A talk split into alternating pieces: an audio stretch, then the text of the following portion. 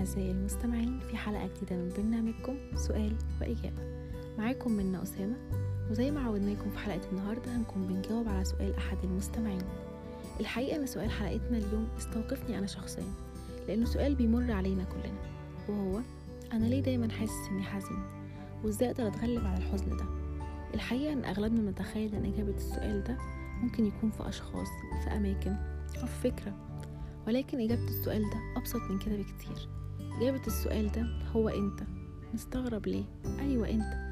كل مرة بتبدأ تكون إيجابي مع نفسك أنت كده بتحط نفسك على أول طرق السعادة. خليك إيجابي مع نفسك حب نفسك سامح نفسك. وتأكد إن كل يوم هو فرصة جديدة ليك إنك تبدأ من جديد وتحاول تاني. وصدقني كل ما تكون إيجابي مع نفسك ومع الحياة كل ما الحياة هتضحك لك وكل حاجة هتتحسن تاني. وبكده أكون جاوبت على سؤال حلقتنا اليوم. لو عجبتكم حلقتنا اشتركوا في البرنامج بتاعنا.